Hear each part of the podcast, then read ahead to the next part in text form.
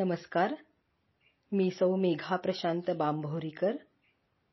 आजपासून आपणा सर्वांना देवी सप्तशती संस्कृत शिकवणार आहे. आणि देवी संस्कृत सप्तशतीचा पाठ ज्या सिक्वेन्सनी करायचा असतो त्या पद्धतीने सगळे अध्याय घेत आहे. आणि त्यातील रोज पाच श्लोक तुम्हाला अर्थासहित आणि तो कसा म्हणायचा त्याच्यासहित मी ग्रुपवर टाकत जाईन. कृपया तुम्ही दिवसभरात जेव्हा वेळ मिळेल तेव्हा तुम्ही तो करू शकता. धन्यवाद. अथ देव्या कवचम् ॐ अस्य श्रीचण्डी कवचस्य ब्रह्मा ऋषिः अनुष्टुप् छन्दः चामुण्डा देवता अङ्गन्यासोक्तमातरो बीजम् दिग्बन्धदेवतास्तत्त्वम् श्रीजगदम्बा प्रीत्यर्थे सप्तशतीपाठाङ्गत्वेन जपे विनियोगः। ॐ नमश्चण्डिकायै मार्कण्डेय उवाच। ॐ यद्गुह्यं परमं लोके सर्वरक्षाकरं नृणाम् यन्न कस्यचिदाख्यातं तन्मे ब्रूहि पितामह। ब्रह्मोवाच। अस्ति गुह्यतमम् विप्र सर्वभूतोपकारकम्। देव्यास्तु कवचम् पुण्यम् तच्छृणुष्व महामुने। प्रथमम् शैलपुत्री च द्वितीयम् ब्रह्मचारिणी तृतीयम् चन्द्रघण्टेति कूष्माण्डेति चतुर्थकम्। पञ्चमम् स्कन्दमातेति षष्ठं कात्यायनीति च सप्तमं कालरात्रीति महागौरीति चाष्टमम् नवमं सिद्धिदात्री च नवदुर्गा प्रकीर्तिताः उक्तानेतानि नामानि ब्रह्मणैव महात्मना। याचा अर्थ मार्कंडेय म्हणाले हे पितामह या त्रैलोक्यात अतिशय गुप्त व आजवर कोणाही मानवाला भक्ताला वा देवादिकांना माहीत नसलेले संरक्षक कवच आणि त्याचे साधन कृपया मला सांगावे. ब्रह्मदेव म्हणाले हे महामुने अतिशय गुप्त आणि सर्व प्राणीमात्रांच्या संरक्षणासाठी उपकारक व पुण्यप्रद असे फक्त देवीचेच संरक्षक कवच आहे ते मी तुला सांगतो ते ऐकावे. या देवींची एकूण नऊ प्रमुख रूपे आहेत त्यांना नवदुर्गा म्हणतात. त्यातली पहिली शैलपुत्री दुसरी ब्रह्मचारिणी तिसरी चंद्रघंटा आणि चौथी कुष्मांडा अशी नावे आहेत. पाचवी स्कंदमाता सहावी कात्यायनी सातवी कालरात्री आणि आठवी महागौरी आहे. नववी सिद्धिदायिनी अशा एकूण नऊ दुर्गा सुविख्यात आहेत अशी नावे भगवान ब्रह्मदेवांनी मुनींना सांगितली. अग्निना दह्यमानस्तु शत्रुमध्ये गतोरणे। विषमे दुर्गमे चैव भयार्ता शरणं गताः। न तेषां जायते किञ्चित् अशुभं रणसङ्कटे। नापदं तस्य पश्यामि शोकदुःखभयं न हि यैस्तु भक्त्या स्मृता नूनं तेषां वृद्धिः प्रजायते। ये त्वां स्मरन्ति देवेशि रक्षसे तान्न संशयः। प्रेतसंस्था तु चामुण्डा वाराही महिषासना। ऐन्द्री गजसमारूढा वैष्णवी गरुडासना। माहेश्वरी वृषारूढा कौमारी शिखिवाहना। लक्ष्मी पद्मासना देवी पद्महस्ता हरिप्रिया. अग्नीने वेढून पोळला जाणारा लढाई चत्रूच्या विळख्यात सापडलेला अतिशय कठीण घनदाट अरण्यात वाट चुकलेला किंवा पर्वतावर चढून अत्यंत थकून हरवलेला मानव या नवदुर्गांना शरण आला तर त्याचे कोणतेही अमंगल किंवा अशुभ घडत नाही.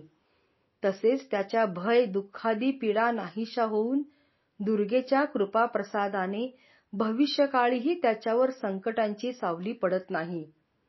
भक्तिभावाने दुर्गा देवीचे फक्त स्मरण जरी केले तरी भक्ताला सुख समृद्धी प्राप्त होते. त्याची वंशवेल निकोपपणे वाढते व देवीच्या कृपा छत्रासहित त्याला देवीचे संरक्षण लाभते यात शंका नाही. प्रेतावर आरूढ होणारी चामुंडा महिष म्हणजे रेड्यावर बसलेली वाराही हत्तीवर आसन घेतलेली ऐंद्री आणि गरुडावर बसून वावरणारी वैष्णवी अशी या दुर्गांची वाहने आहेत. वृषभावर आरूढ झालेली माहेश्वरी मोरावर बसलेली कौमारी देवी कमळावर बसलेली लक्ष्मी हातात तेजस्वी कमल पुष्प घेऊन भक्त रक्षणास तत्पर आहेत. श्वेतरूपधरा देवी ईश्वरी वृषवाहना ब्राह्मी हंससमारूढा सर्वाभरणभूषिता इत्येतामातरः सर्वा सर्वयोगसमन्विताः। नानाभरणशोभाढ्या नानारत्नोपशोभिताः। दृश्यन्ते रथमारूढा देव्यक्रोधसमाकुलाः। शङ्खम् चक्रम् गदाम् शक्तिम् हलम् च मुसलायुधम्। खेटकम् तोमरम् चैव परशुम् पाशमेव च। कुन्तायुधम् त्रिशूलम् च शार्ङ्गमायुधमुत्तमम्। दैत्यानाम् देहनाशाय भक्तानामभयाय च धारयन्त्यायुधानित्थम् देवानां च हिताय वै।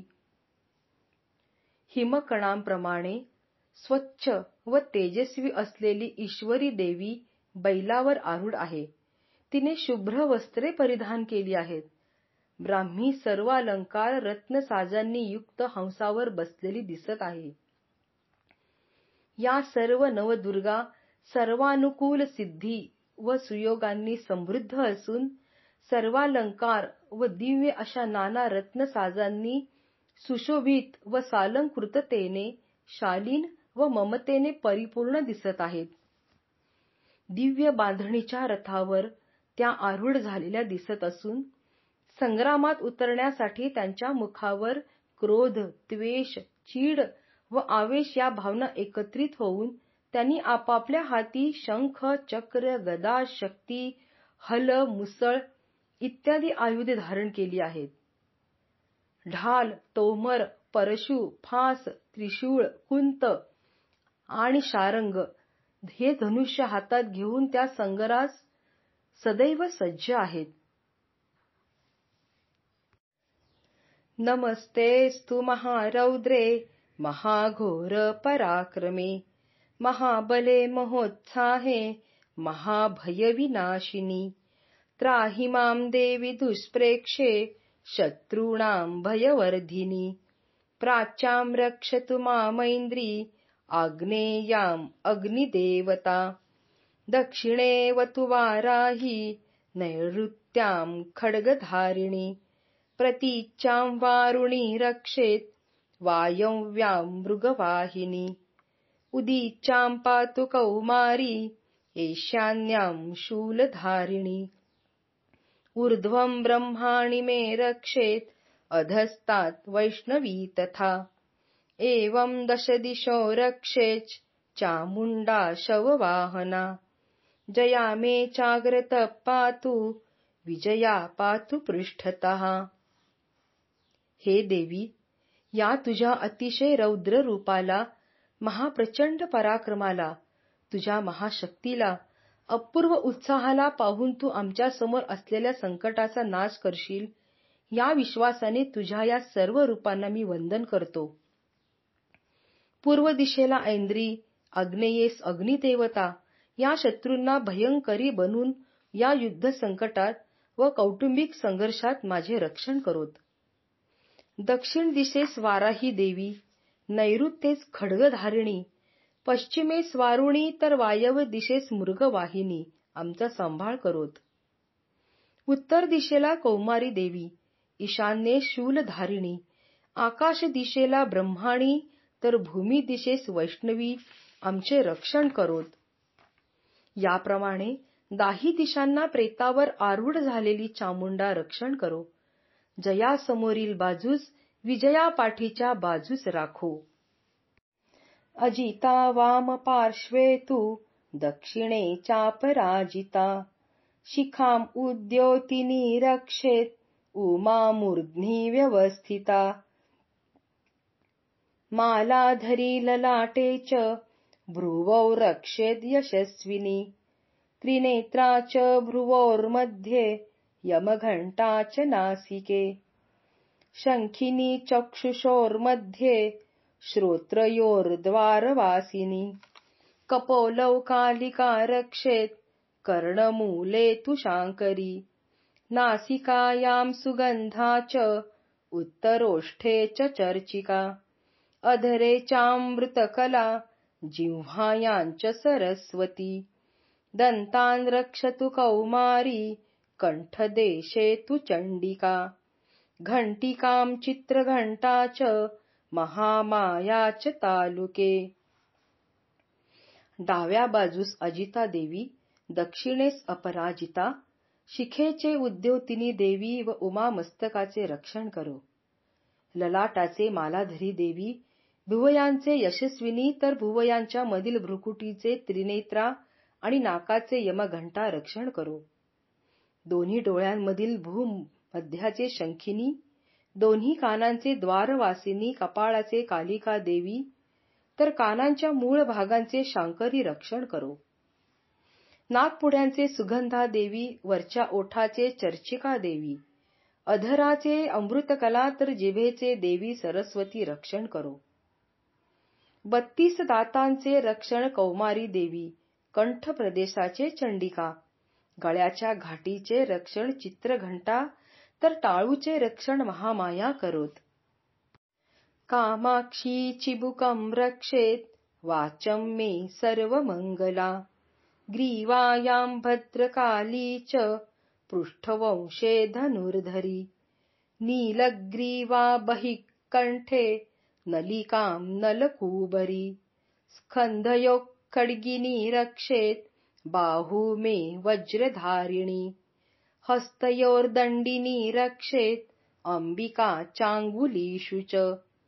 नखाञ्चूलेश्वरी रक्षेत कुक्षौ रक्षेत कुलेश्वरी स्तनौ रक्षेन्महादेवी मनः शोकविनाशिनी हृदये ललिता देवी उदरे शूलधारिणी नाभौ च कामिनी रक्षेत गुह्यं गुह्येश्वरी तथा पूतना कामिका मेढ्रं गुदे महिषवाहिनी। हनुवटीचे कामाक्षी देवी वाचेचे सर्व मंगला मानेचे भद्रकाली तर पाठीच्या मणक्यांचे धनुर्धरी रक्षण करो। गळ्याच्या बाहेरील भागाचे नीलग्रीवा देवी व कंठनळीचे नलकुबरी रक्षण करो। खडगिनी खांद्यांचे व वज्रधारिणी देवी बाहूंचे रक्षण करो. हातांचे रक्षण दंडिनी हातांच्या बोटांचे अंबिका नखांचे शूलेश्वरी देवी तर कुशीचे रक्षण कुलेश्वरी करो. वक्ष भागाचे रक्षण महादेवी करो. मनाचे शोक विनाशिनी हृदयाचे ललिता देवीने व पोटाचे रक्षण शूलधारिणी देवीने करावे. नाभीचे रक्षण कामिनी देवीने गुह्य भागाचे गुह्येश्वरीने पूतना आणि कामिका देवींनी मेढ्राचे व गुदाचे महिषवाहिनीने रक्षण करावे. कट्यां भगवती रक्षेज जानुनी विंध्यवासिनी जंघे महाबला रक्षेत सर्व कामप्रदायिनी गुल्फयोर्नारसिंही च पादपृष्ठे तु तैजसी पादाङ्गुलीषु श्रीरक्षेत् पादाधस्तलवासिनी नखान्तंष्ट्राकराली च केशांश्चैवोर्ध्वकेशिनी। रोमकूपेषु कौबेरी त्वचं वागीश्वरी तथा। रक्तमज्जावसामांसान् अस्थिमेदांसि पार्वती।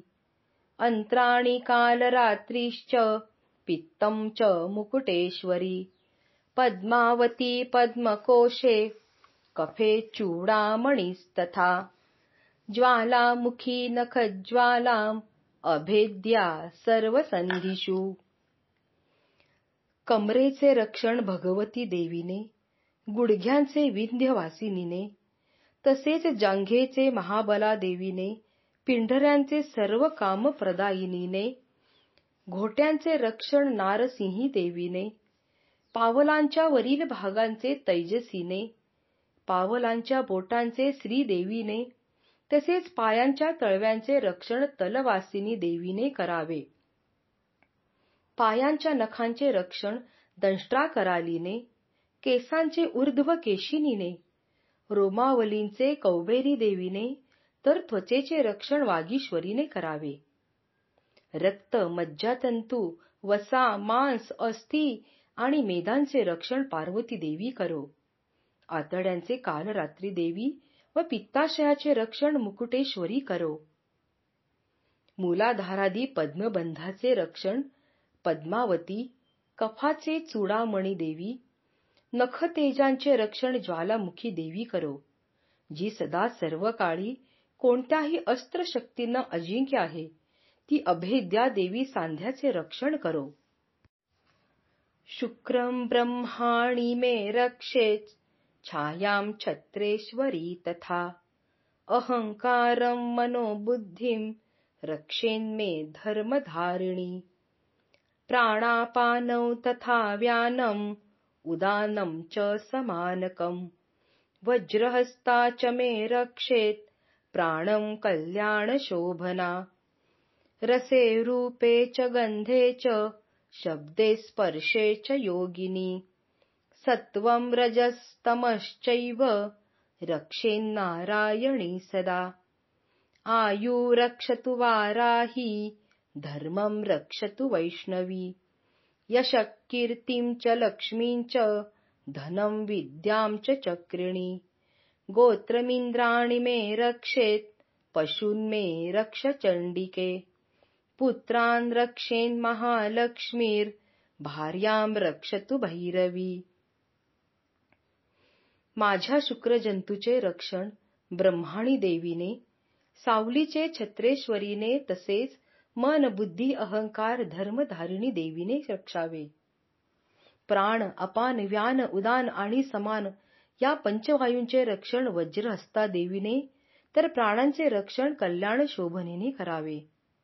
रस रूप गंध शब्द आणि स्पर्श या सकल गुणांचे रक्षण योगिनी देवीने करावे. सत्व रज तम या त्रिगुणांचे रक्षण नेहमी नारायणी देवीने करावे. आयुष्याचा सांभाळ वारही देवीने करावा. धर्मचरणाची राखण वैष्णवी देवीने यश आणि कीर्ती श्री लक्ष्मीने तसेच धन विद्या दानाचे रक्षण चक्रिणी या देवीने करावे. कुळ परिवारातील आत्मजनांचे व गोत्रज बांधवांचे रक्षण इंद्राणी देवीने पशुधनाचे हे चंडिका देवीने राखावे. पुत्र पौत्रादिकांचे महालक्ष्मीने तर भार्येचे रक्षण भैरवी देवीने करावे. पंथानम सुपथा रक्षेन मार्गम क्षेमकरी तथा. राजद्वारे महालक्ष्मीर विजया सर्वतस्थिता। रक्षाहीनं तु यत्स्थानं वर्जितं कवचेन तु। तत्सर्वं रक्ष मे देवी जयन्ती पापनाशिनी। पदमेकं न गच्छेत्तु यदिच्छेच्छुभमात्मनः कवचेनावृतो नित्यं यत्र यत्रैव गच्छति तत्र तत्रार्थलाभश्च विजयः सार्वकामिकः। यं चिन्तयते कामं तं तं प्राप्नोति निश्चितम्। परमैश्वर्यम् अतुलं प्राप्स्यते भूतले पुमान् निर्भयो जायते मर्त्य सङ्ग्रामेष्वपराजितः त्रैलोक्ये तु भवेत् पूज्य कवचेनावृतः पुमान् प्रवासात सुपथा देवीने प्रवासाच्या मार्गात क्षेम करी रक्षण करू. राजदरबारात महालक्ष्मी तर जेथे जेथे निवास होईल तेथे तेथे विजया देवी रक्षण करो. देवीने रक्षण करण्यास योग्य असे जे स्थान राहिले आहे व ज्याचा या कवचात उल्लेख केला गेला नाही त्या त्या ठिकाणी पापनाशिनी व विजया जयंती देवीनी भक्तांचे रक्षण करावे. देवी कवचाचा पाठ केल्याशिवाय कोणत्याही शुभ कार्यासाठी एकही पुढचे पाऊल टाकू नये. नेहमी ज्या ज्या ठिकाणी जाणे असेल तेथे कवच पाठानंतरच संरक्षित होऊन जावे. असा कवचाने संरक्षित असलेला देवी भक्त सर्व कार्यात यशस्वी अमाप संपत्तीचा धनी होईल. त्याच्या मनात जी इच्छा आकांक्षा असेल ती सर्व पूर्ण होऊन त्याला परम ऐश्वर लाभेल व या भूतलावर तो अजोड कीर्तिमान होईल. या कवच पठणाने अशा प्रकारे सुरक्षित झालेला मानव अत्यंत निर्भय होऊन युद्धात अजिंक्य राहील आणि अपराजित ठरेल. त्रिलोकात तो वंदनीय होईल. इदम तु देव्या कवचम देवानामपि दुर्लभम य पठेत प्रयतो नित्यम त्रिसंध्यम श्रद्धयान्वितः। दैवी कला भवेत् तस्य त्रैलोक्येष्वपराजितः। जीवेत् वर्षशतं साग्रम् अपमृत्युविवर्जितः। नश्यन्ति व्याधयः सर्वे लूता विस्फोटकादयः स्थावरं जङ्गमं चैव कृत्रिमं चापि यद्विषम्। अभिचाराणि सर्वाणि मन्त्रयन्त्राणि भूतले भूचराख्येचराश्चैव जलजाश्चोपदेशिकाः। सहजाकुलजा माला डाकिनी शाकिनी तथा अन्तरिक्षचरा घोरा डाकिन्यश्च महाबलाः।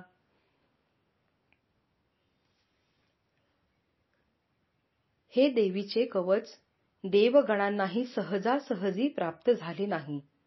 इतके ते दुर्लभ आहे म्हणून श्रद्धेने व भक्तीने भक्तांनी तिन्ही त्रिकाळी याचा पाठ करावा.